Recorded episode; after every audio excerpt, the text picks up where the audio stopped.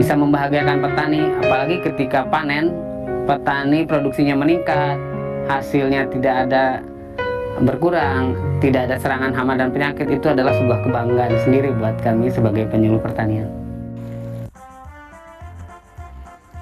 Ini adalah sukses story seorang Yana Mulyana penyuluh pertanian yang sukses menjadikan desa binaannya menjadi lumbung pangan kabupaten dengan menerapkan pola tanam jajar legowo mekanisasi pertanian dan peningkatan IP 200.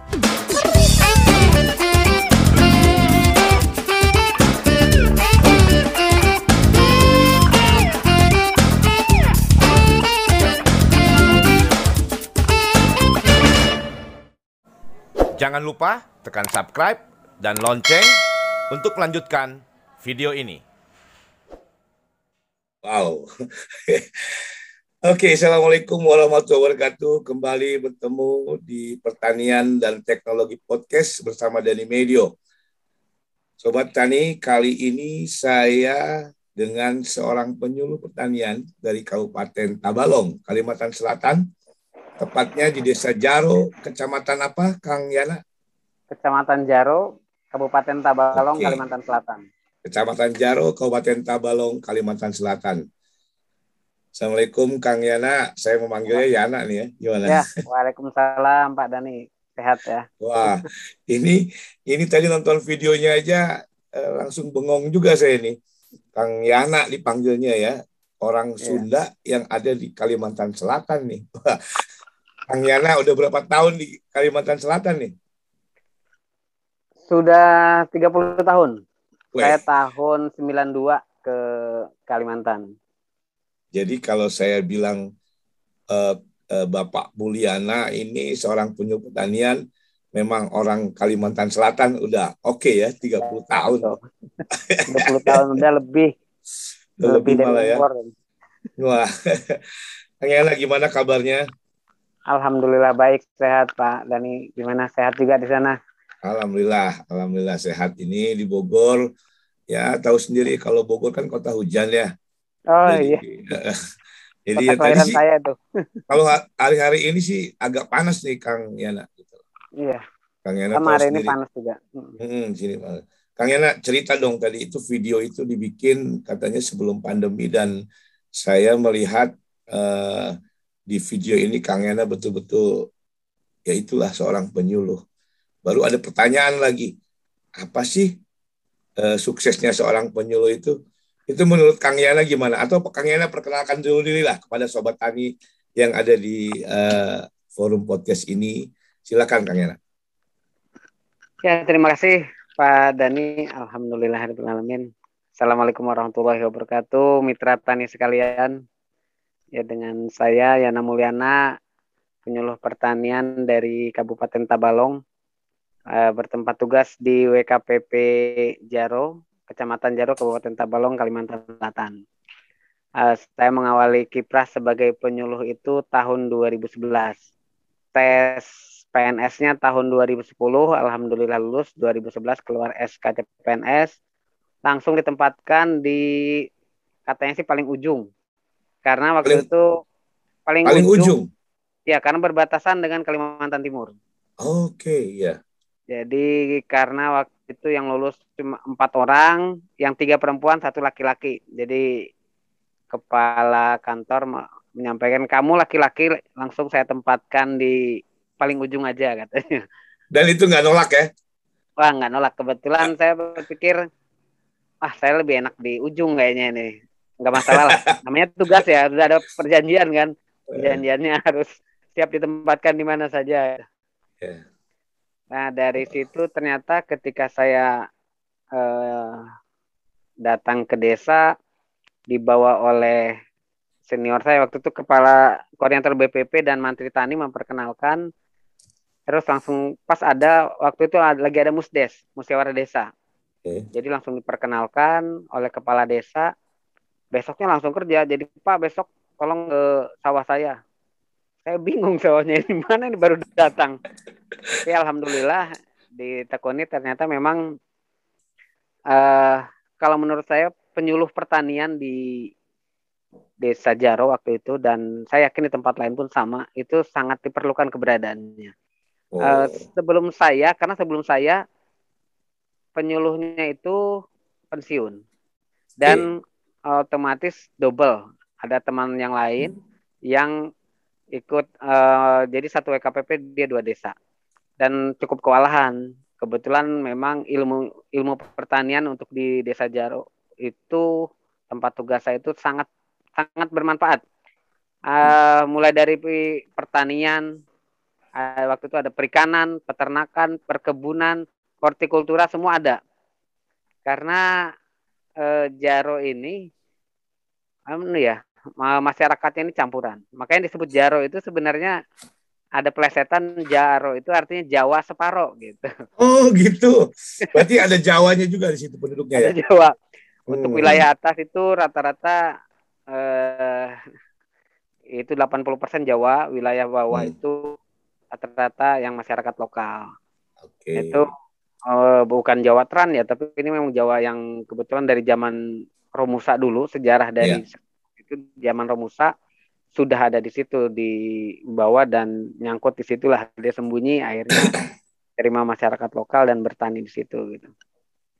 Dan wow. alhamdulillah sangat sangat bermanfaat. Saya sangat bangga sekali menjadi pertanian waktu itu ditempatkan di Jaro. Semua ilmu yang ada di waktu saya di sekolah itu semuanya terpakai, mulai dari budidaya, teknik bagaimana pengendalian hama penyakit, pengaturan irigasi dan lain sebagainya. Dan Jaro merupakan satu-satunya untuk lahan sawah itu sawah irigasi teknis di hmm. Kabupaten Tabalong. Uh, waktu itu ya irigasi teknisnya memang belum belum maju dah. Dan sekarang ya banyak galian tanah. Nah itu tantangan sebenarnya. E, cerita dari senior-senior memang setelah e, penyuluh sebelum saya ini pensiun, ada yang mengganti, e, mengganti terus nggak tahan katanya karena sibuk betul. Bayangkan satu desa, saya harus membina sembilan kelompok yeah. satu gapok tan, dua kelompok tani, satu kelompok pemuda tani, dan ada tiga P3A, Perkumpulan Petani Pemakai Air, dan semuanya itu aktif. Wow. Kita sebagai penyuluh ini sebagai ya tinggal mendorong aja sebenarnya. Jadi sistem yang ada itu sudah ada, tinggal kita bagaimana sih mengaturnya, eh, mensinkronkan. Artinya sekolahannya sudah ada, muridnya sudah ada, gurunya yang belum ada. Gitu. Jadi memang ke sana tuh uh, Kang Yana udah ini ya, sebetulnya udah mereka tinggal butuh uh, pendamping ya. ya tinggal betul. butuh pendamping dan dan Kang Yana beruntung dapat uh, rekan-rekan kerja atau petaninya semua aktif ya. Aktif. Hmm. Uh, kalau pagi biasanya jam 7 tuh kalau saya belum keluar, saya pertama tinggal di Tanjung. Jaraknya eh. kurang lebih rumah saya itu satu jam setengah dari Jaro. Tiap hmm. hari saya harus bolak-balik. Nah, akhirnya hmm. saya mencoba menyewa rumah. Hmm. Ini cerita sedikit ya. Ya, boleh, boleh. saya menyewa rumah 500 ribu.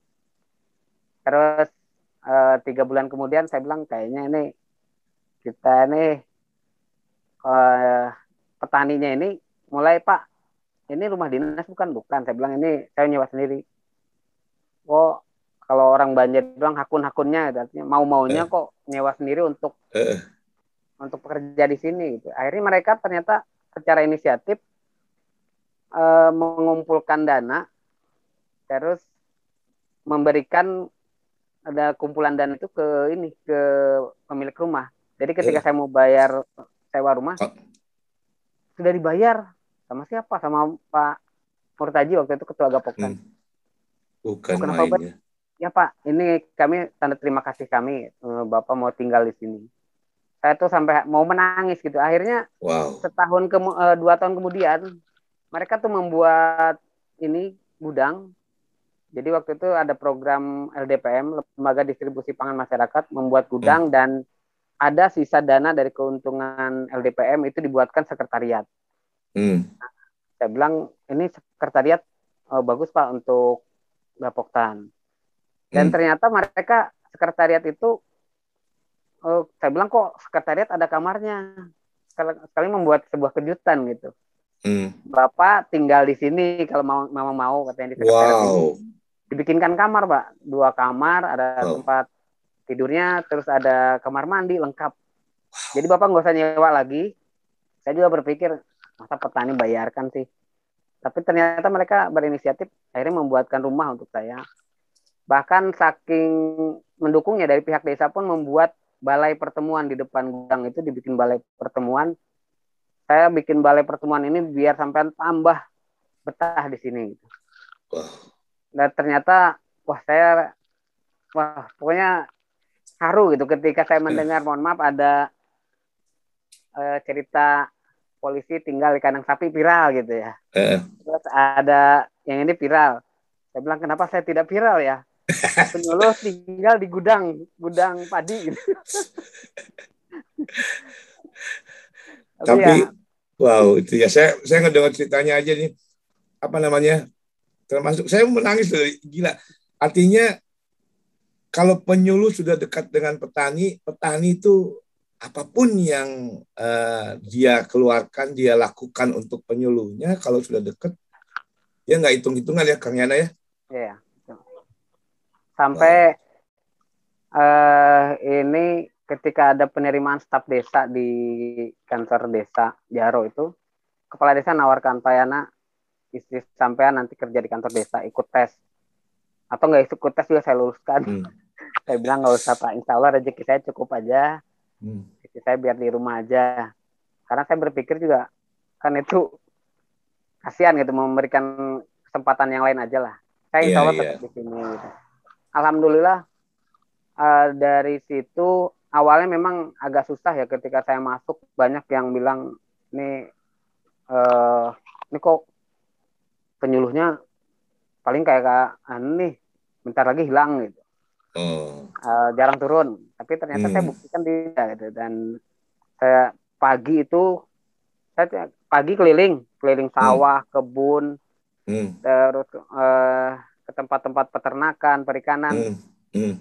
biasanya sampai jam 12 jam 12 saya pulang sholat istirahat jam 2 biasanya saya membuat demplot nih membuat kebun percontohan Hmm. biasanya nanti jam 4 istirahat petani itu ada yang ke rumah diskusi nanti maghrib. Sampai malam pun ada. Jadi saya kalau mau ketika jadi PPL ini ke jadi PPL ini memang benar-benar waktu ini banyak untuk petani gitu. Kadang di rumah juga ini kok kerja terus gitu. Nggak tahu hari minggu nggak tahu hari sabtu. Anak saya dia bilang ini kerjanya aku bapak nih ngobrol ngobrol aja sih gitu. Sampai malam mbak. Jam jam 8 tuh datang petani nanti ngobrol sampai jam 12 kadang jam 1 dan bergantian ketika ada yang Iya. apalagi sudah ada balai rembuk nih yang dibikin Hmm, kantor desa bikin. Nanti mereka datang ada yang bawa kopi ada yang bawa gula bawa gorengan. Sampai biasanya sampai jam 2 kadang sampai jam 3 Oh. nanti istirahat pagi gitu lagi. Nggak tahu hari Sabtu hari Minggu. Makanya kadang ini keluarga gimana? Gitu. kadang saya minta izin malah ke petani bukan ke kepala dinas. Petani mohon maaf Wow. kadang saya tulis di depan rumah. Eh, mohon maaf hari Sabtu Minggu saya mau kumpul dengan istri dulu jalan-jalan gitu. Sampai begitu ya? sama begitu. Jadi kadang bingung ketika ada teman-teman ini udah ada pelangnya kok di bawah nih ada papan buat apa? Pengumuman kayak, kayak praktek dokter gitu. Tapi memang memang sebetulnya penyuluh begitu karena 24 Ya. jam kan kalau di eh, lokasi ya. Karena kapan pun petani butuh eh, jam berapapun kita harus mau ya Kang Yana ya. Ya, betul Itu yang yang nggak pernah saya rasakan Kang Yana. Saya kadang-kadang iri gitu loh. Kang Yana lebih dekat. Saya penyuluh juga, tapi kan mungkin karena tempatnya berbeda ya kita kita Iya. di Ustadz. Tapi saya ingin saya ingin penyuluh-penyuluh di eh, daerah, di kecamatan, di desa ini ya kayak gini nih, kayak Kang Yana ya. Udah kayak dokter aja ya pakai jadwal kau. Saya Nah. pernah pak eh, Iya. awal empat biasanya empat tahun kami rolling Hmm. empat tahun saya di rolling tarik ke Tanjung karena Hmm. kebetulan waktu itu kepala dinasnya ini kamu kan mainnya di Tanjung Hmm. udah saya dekatkan ke Tanjung ternyata petaninya ini hari Senin saya perpisahan, mohon izin Hmm. perpisahan. Hari Selasa saya dipanggil kepala dinas, kepala kantor waktu itu. Hmm. Eh, Mas Yana sampean kembali lagi ke Jaro. Kenapa? Pak saya belum pindah, belum belum ngangkut-ngangkut ini, baru mau ngangkut pindahan. Heeh. Ini tadi petani datang ke sini ya demo. Bukan main. Wah ini Nggak cerita jadi, Pak. keren. Jadi nggak jadi Nggak jadi, Pak. sampai hari ini ya. Ya, eh, kebetulan tahun 2021, nah ini Iya. 2021 awal tahun ini itu langsung dari Pak Bupati waktu itu ada panen raya dan Hmm. menyampaikan bahwa ini kami perlu orang untuk di Tanjung gitu. Ya. Jadi kami mungkin tolong dilepas lah ini Pak Yana Yana. ini. Bilangnya Eh, sama petani ya. Iya ke petani karena eh, salah satu alasan juga kasihan karirnya kalau di sini. Eh, Gimana? Saya bilang ya saya terserah pimpinan aja. Dan saat ini memang tahun ini saya di eh, pas awal tahun tuh ah, akhir tahun 2020 dipercaya saat ini memegang Balai Benih, Pak. Saya sebagai kepala UPT Balai Wow. Benih di Kabupaten Tabalong. Dan kebetulan juga eh UPT Balai Benih ini ada dua unit produksi. Yang pertama unit produksi tanaman hortikultura dan tanaman padi. Dan tanaman padinya itu lokasinya ada di Jaro, jadi kembali lagi ke. Jaro. jadi memang Kang Yana ini sebetulnya udah nggak boleh tinggalin Jaro, Kang. Jadi memang akhirnya Allah pun eh, boleh kamu pindah, tapi kamu jangan lupakan Jaro karena Kang Yana besar dan tumbuh di situ sebetulnya. Banyak ilmu yang dapat dari Jaro kan Kang Yana ya. Ya, betul. Ya, Dan itu yang walaupun saya sekarang sebagai kepala UPT Balai Benih yang istilahnya kalau secara tupoksi bukan sebagai penyuluh, tapi petani Hmm. masih menganggap ini masih Pak PPL. Kalau yang Hmm. orang-orang tua, oh ini masih Pak Mantri ini. Aku nggak tahu pokoknya mau Balai Benih apa, pokoknya sampai Pak Mantri. Ya tetap aja peranannya jadi penyuluh juga gitu. Tapi Kang ketika Akang kemarin eh, tapi Akang dipanggil penyuluh dan sebagai penyuluh Akang menyesal Kang. Saya malah bangga Pak. Eh, awal-awal datang itu mereka memanggil saya itu Pak Mantri. Oke. Saya bilang Pak, saya bukan Pak Mantri, saya ini Pak PPL. Kalau Mantri itu Mantri Tani, dia sebagai KCD Kepala Cabang Dinas Pertanian. Hmm. Kurang lebih satu tahun tuh saya coba sosialisasikan, saya bukan Mantri, saya PL. Penyuluh Sekarang gitu ya, masih PPL. melekat ya, melekat menjadi Pak PPL. Bahkan ada yang tidak tahu nama saya Pak, Tahunya Pak ada- PPL. Pak PPL. Jadi waktu itu saya datang ada petani anu nih. Jadi katanya dia pegawai pegawai perusahaan terus dia berhenti dan bertani cabai. Hmm. Nah, waktu itu saya pakai baju dinas. Saya mengunjungi itu, Pak. Mau nanam apa? Nanam cabai. Terus saya kasih arahan begini. Setelah itu eh, dua bulan kemudian saya tiap minggu kan lewat situ jadi tinggal mampir. Dia nanya, "Eh, saya heran Pak, kok Bapak terus yang ke sini? Eh, PPL-nya mana ya katanya? Saya bilang, PPL-nya Bapak kenal nggak? Namanya katanya Pak Yana, Yana Mulyana. Tapi nggak pernah ke sini. Loh Bapak, saya buka baju kan ada nama. Ini namanya siapa Pak? Langsung, langsung meluk saya. Maaf Pak, saya kira Bapak orang kecamatan. Soalnya pakai baju itu ya, baju, apa baju itu. baju eh, coklat baju. Saya kira Bapak orang kecamatan mau survei tanah, kok tiap minggu survei tanah. Saya bilang saya PPL Pak. Alhamdulillah sekarang Aduh. beliau tambah eksis ya, tambah jadilah ininya.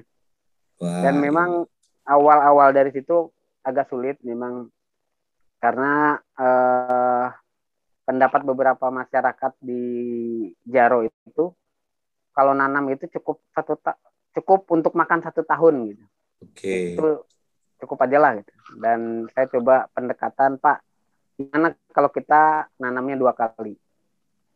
Kondisi air gimana? Nah, saya coba hubungi ke dinas pertanian bagian PSP, ternyata didukung Hmm. Hmm. eh, untuk perbaikan irigasi. Air sudah ada, mereka oh bibitnya gimana? Airnya dibantu bibit. Hmm. Terus ketika panen, ini yang masalah yang agak susah juga. Panen ini hasilnya gimana? Kami di rumah udah numpuk gitu. Mau dijual ke mana? Saya waktu itu menghubungi di Bulog dan Bulog ternyata memang harganya waktu itu ya harganya masih masih rendah, tidak masuk di dengan hitungan petani. Hmm. Terus akhirnya saya coba hubungi dari pengumpul beras, pembeli padi dari kabupaten lain, hmm. dan mereka mau. Dan kebetulan waktu itu ada program namanya LDPM itu lembaga distribusi hmm. pangan masyarakat. Dimatchingkan ke situ dibentuklah uh, eh, LDPM dan pengurusnya. Alhamdulillah waktu itu sempat omsetnya bisa sampai 800 juta. Dimodali dari pemerintah itu 200 juta. 200 juta tambah bangunannya 50 itu omsetnya satu tahun dapat 800 dan kami bikin ADART itu dibikin anunya ada presentasi ini dapat segini dapat sekian sekian hasilnya. Hmm. saya itu dapat ini saya buka saya dapat hasil itu sampai 6 juta pak. Wow. pak ini bagi hasil kami kebetulan sampean sebagai pembina ini dapat sekian persen 6 juta. Ini saya bilang buat apa ini kan yang di ADART yang kita susun sama-sama ternyata hasil 800 juta dan waktu itu ada acara Hari Pangan Sedunia di Boyo, Boy, Boyolali. Boyolali. Ya di Boyolali kami berangkat itu 12 orang. Semua hmm. itu dari hasil keuntungan LDPM itu. Oh. Dan memang memang itu sebenarnya yang dicari oleh petani. Yang pertama ada pembinaan untuk budidaya, ada pengendalian yeah. hama penyakit, sarana dan prasarana lengkap. Paling utama juga adalah pemasaran. Pemasaran ketika itu sudah ada kita tinggal istilahnya membina aja lagi dan petani itu tidak akan pernah melupakan kalau kita memang uh, bermanfaat untuk mereka saya kalau dari lapangan pak kalau ke lapangan di pagi pasti dipanggil singgah duduk duduk itu udah kedengaran suara gelas walaupun di pondok di sawah kelinting kelinting kelinting keluar kopi minimal kopi ya kopi betul pak dari 10 eh. kali si mampir itu 10 ngopi, 10 kali ngopi. Dan ngopi terus kalau pulang tidak pernah kosong. Saya tidak yeah. pernah meminta tapi mereka kalau ada timun, terong, kacang panjang. Jadi kadang pulang itu kadang ini kayak tukang sayur. belakang nih karena sengaja saya tali dikantongin yeah. atau bawa plastik. Karena merepotkan kalau saya tidak bawa tali atau bawa plastik. Mereka cari tali, cari ini. Jadi kadang Pak, dan plastiknya bawa kan? Dan tidak bawa. bisa nggak bisa nolak ya Pak ya? Iya, Kalau nolak, nolak malah kesinggung dia. Iya betul. Iya betul. Wow. Mereka kalau panen panen padi itu saya pernah uh, mereka memberikan ngasih gitu ya. Hmm. Ngasih itu satu petan itu ada yang lima kilo, ada yang dua kilo. Dikumpulin bisa sampai dua karung, Mbak. Saya bilang ini akhirnya saya sampaikan saya bukannya uh, menolak rezeki tapi nggak usah dikasih. Ini numpuk nanti jadi saya mau jual. Gak enak kan karena mm -mm. pemberian. Dikasih. tidak saya mau saya makan. Ini juga dua tahun bisa nggak habis. Kasihkan ke orang. Jadi mereka nggak usah pak. Nggak usah. Kalau beras nggak usah. Saya cukup aja. Mm. Itu kadang ya mereka hmm, kalau malam tuh datang bawa kopi bawa gorengan. Kadang ya lumayan tuh. Kopi kadang bawa sekilo sekilo.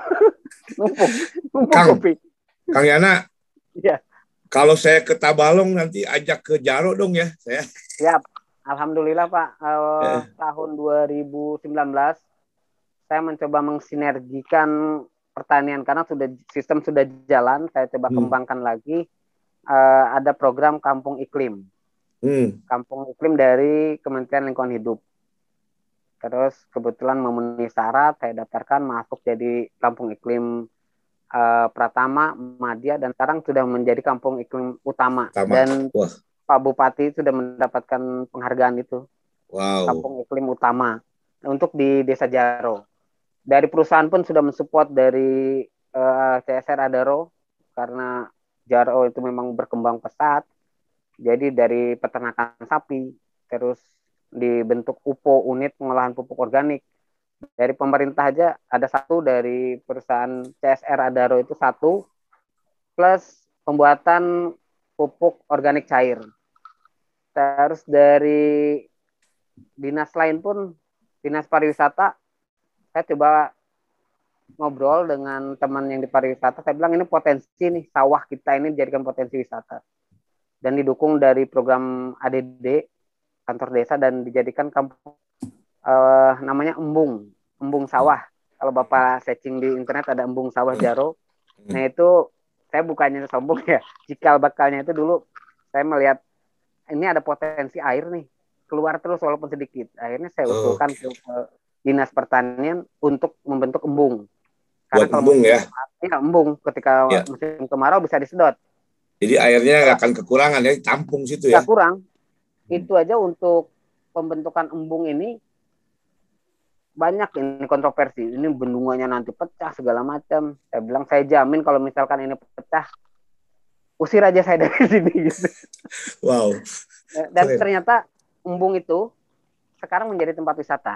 Jadi waktu itu ayo kita inisiatifkan bikin menara, terus dibuat kolam hmm. dan menara itu tinggi. Kalau nantilah kalau bapak ke Tabalong, nih lihat dari menara itu hamparan sawah itu, wih, luar biasa. Wow. Wow, wow, Kang Yana ini keren banget. Kang, kalau dari Tanah Grogot deket nggak? Dekat. Kalau dari Tanah Grogot itu palingan sekitar ayo lima atau enam jam lah. dekat masih jauh ya iya eh, uh, karena berada di perbatasan perbatasan hmm. antara Kabupaten Pasir dan Tanah Grogot dengan Kabupaten Tabalong hmm. gitu.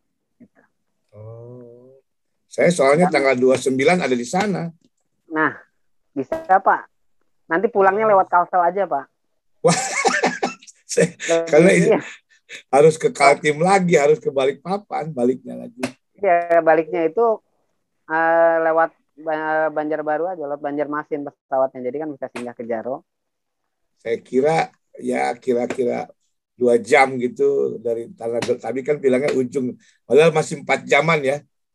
Iya masih empat jam. Saya ke kota kabupaten kota kabupaten ya. Ibu kota hmm. kabupaten aja satu jam setengah pak. Oke. Wah ini ceritanya keren banget nih saya. Saya aja sampai sampai sampai saya diam dengerin Kang Yana ini keren banget.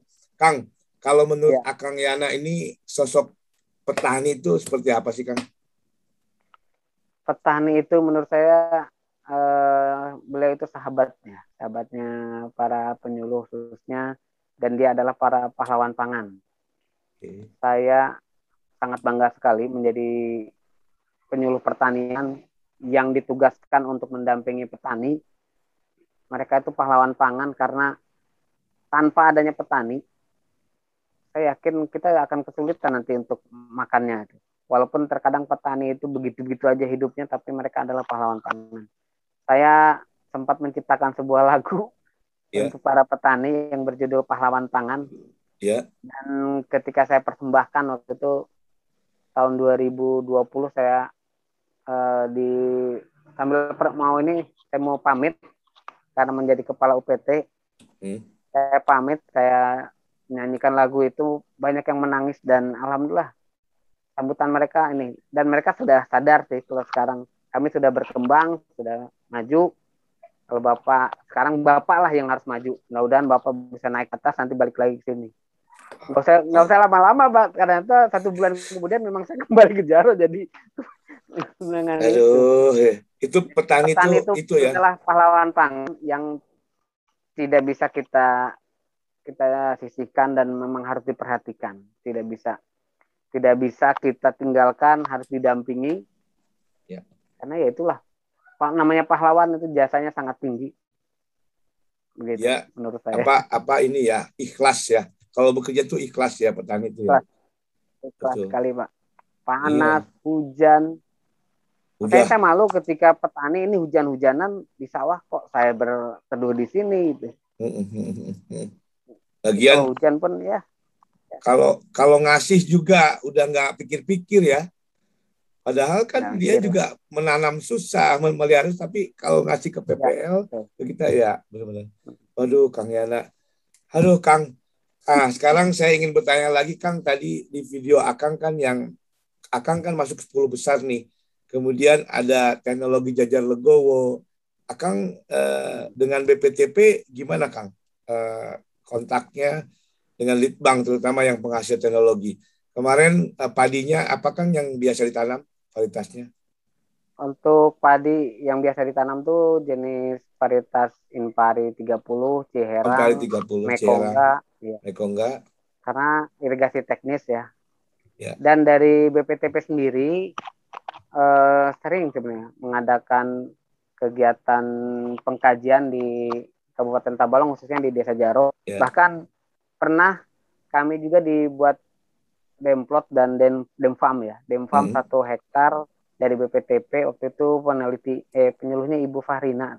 Oke. Okay. Ibu Fahrina eh Jajar Legowo itu untuk eh, percontohan demfam ada 200 hektar dan ternyata pendampingnya sangat bagus saya salut dengan BPTP dua minggu sekali datang walaupun yeah. BPTP itu jauh di Banjarbaru ya? hmm. Banjarbaru ke Tabalong ke Tanjung itu lima jam dan hmm. ke Jaro lagi jadi kurang lebih enam jam enam jam wow. setengah enam sampai tujuh jam tiap dua minggu datang Ibu Fahrina dengan timnya dengan penelitinya Pak eh, kurang ingat ya nah itu, banyak sih nah mulai dari pertama gropyokan tikus, terus dari ininya pengolahan lahan, penerapan jajar logowo itu bagaimana persemaiannya, terus penggunaan mesin transplanter, hmm. pendampingan pengendalian hama penyakit, dan ternyata memang itu udah di, dijadwalkan dua minggu sekali ada sekolah lapangnya dan hasilnya di situ memang ketika ada demfam yang digagas oleh BPTP, uh, eh, memang petani itu ketika kita berikan contoh jajar logowo itu, hmm. kita harus membuat dulu dan berhasil baru dicontohkan nih Pak di programnya 200 hektar baru dikerjakan oleh petani dan yang paling penting adalah pendampingan oleh tenaga ahli. Wow, uh, itu. Bukannya penyuluh tidak ahli ya, mm. tapi kalau penyuluh terus mungkin mereka perlu refreshing materi yang yeah. lain dan dari BPPT menyampaikan. Dan luar biasa Pak, ternyata sampai sekarang pun mereka tidak eh, 80% itu sudah tidak pernah merubah lagi ke ke yang ini lama ya. Yeah. Yang 20% memang yeah. ya, karena mereka masih sekarang menggunakan jajar legowo karena sudah tahu hasilnya. Dulu memang uh, persepsi mereka uh, ya Pak uh, persepsi mereka untuk jajar legowo itu ini bibitnya jadi banyak dan ternyata dari BPTP menjelaskan bahwa sebenarnya bukannya ini bukannya menambah tapi tapi yang bukannya mengurangi ya tapi mai gimana menjelaskannya jadi mesisipkan ya Ya, ya kan disisip. Yang di, yang di tengah itu bukannya dibuang. Bukan, disisip. Nah, itu disisipkan ke te, ya. ke sepasinya. Iya. Nah, itu persepsi kami dulu pun seperti itu. Ini dibuang. Bahkan banyak petani yang ini sayang, Pak, dibuang. Ternyata bukan, ini disisipkan. Iya. Dan hasilnya wah luar biasa. Dari biasanya di Jaro itu 3 sampai 4 ton. Eh. Alhamdulillah peningkatan ya dengan adanya jajar legowo sampai 5, 6 bahkan ada yang sampai 8 ton. Wow. Terus mereka pun tidak kesulitan dalam hal pengendalian nama penyakit masuk ke ya. ada galangannya kan. Biasanya kalau tegel kan ya. harus pakai kaki dulu mengisikan kalau ini sekarang enak. Dan itu bukan saya yang bercerita, mereka dan ketika pertemuan terakhir silahkan kira-kira apa uh, kesan dan pesan baik buruknya tentang jejar Legowo. Rata-rata mengatakan enak, anunya jalannya bagus, ada galengannya. Iya. Terus hasilnya lebih banyak katanya. Biasanya kami dapat seborong tuh ada 40 ini dapat 60 60 black gitu ya. Hitungannya kan black Sebo, iya. seborong yeah. itu ukuran 17 kali 17. Seborong kami biasa dapat 40 paling banyak paling 35 ini dapat 60 dan merubah image mereka, merubah persepsi bahwa jajar logo ini bagus. Sebelumnya memang ada, tapi memang penjelasannya yang kurang. Oh, itu. Ya, penjelasannya itu karena terus terang saya sendiri dulu beranggapan membuang satu baris dan ternyata memang perlu pendalaman materi ditambah oleh BPT itu bukan dibuang tapi Sisip. dicabut, dipindahkan, disisipkan. Iya, disisip istilahnya. Wow, wow, saya saya senang banget itu Kang eh, artinya teknologi BPTP ya Litbang ada di situ kemudian hasilnya. Kang ini aduh saya ngobrol pengen terus ngobrol tapi waktunya nih Kang. Kang terakhir Kang harapan Akang Yana eh, untuk penyuluh pertanian di Indonesia Kang. Harapan dan pesannya Kang silakan. Eh, pertama, harapan dan pesan saya Hmm. untuk para penyuluh pertanian tetap semangat. Oke. Bekerja itu adalah ibadah. Bekerja adalah Apa pun ibadah. agama- ya, bekerja itu adalah ibadah. Apa pun agamanya, lakukanlah pekerjaan itu seperti kita sedang beribadah. Jadi insya Allah kita akan bekerja itu dengan sungguh-sungguh. Kita manfaatkan ilmu yang ada di dalam diri kita ini kita amalkan. Semakin banyak ilmu yang kita berikan kepada orang lain, maka semakin bertambah ilmu, bukannya ber- bukannya hilang. Dan tetap semangat. Eh, mungkin saya harapan saya penyuluh itu eh, tetap jaya, tetap semangat, tetap sehat. Jangan lupa eh, makan dan jaga kesehatan. Dan harapan saya untuk pemerintah atau pimpinan pimpinan yang Hmm. lebih tinggi, kami sangat berharap penyuluh juga eh, kalau saya lihat ini mohon maaf eh, perlu difasilitasi yang pertama rumah rumah Ya, tempat sip. tinggal untuk di- eh, misalkan ditempatkan di lapangan siapkan rumah tempat tinggal atau minimal transportasi untuk kendaraan sepeda motornya Iya. dan eh, perlu ada pembekalan dari eh, lembaga lain seperti BPTP atau eh, Dinas Pertanian Provinsi atau yang lain untuk pendalaman materi. Agar materi Siap. itu benar-benar kalau cuma satu kali tentang jajar logowo mungkin kita persepsinya baru berapa persen yang masuk ke dalam otak? 30 atau 40 persen. Tapi kalau tambah lagi tambah lagi nggak apa-apa materinya itu terus. Tapi saya yakin sama seperti saya menganggap tadi jajar logowo tadi ketika dari BPTP menyampaikan artinya sudah puncak nih cuma belum meletus meletusnya ketika kata BPTP bukan dicabut dihilangkan tapi Sisip. disisipkan langsung jadi pak langsung peningkatan tuh langsung puncak gitu untuk yang khusus di WKPP saya Iya. ya seperti panjang ya Wow, terima kasih nih Kang Yana. Saya senang banget. Saya senang banget dan bisa ketemu Kang Yana di eh, walaupun di eh, di udara nih ya di online. Kang Yana tetap Siap. sehat ya Kang Yana. Amin, Walaupun amin. Kang Yana sudah sekarang menjadi kepala UPT, apalagi perbenihan tetap kerjasama dengan BPTP. Eh, BPTP juga punya UPBS. Kemudian jangan lupa jiwa penyuluhnya tetap di hati eh, karena ke mana pun Kang Yana pasti Kang Yana eh, sudah terkenal menjadi PPL katanya Pak PPL Ya, di betul. Terima kasih Kang Yana. Sehat terima selalu. kasih Eh, Amin. Apa salam buat keluarga. amin Oke, terima kasih saya- banyak Saya Ya. tutup dulu. Sobat Tani, demikian obrolan bermakna saya dengan eh, Yana Mulyana, SP, yang bekerja di eh, Kabupaten Tabalong, Kalimantan Selatan, yang penyuluh pertanian di Kecamatan Jarok pada waktu itu, dan sekarang di beliau menjadi Kepala UPT, dan semoga sukses terus Kang Yana. Dan Sobat Tani, dengarkan terus dan tonton terus Pertanian dan Teknologi Podcast. Salam Pertanian. salam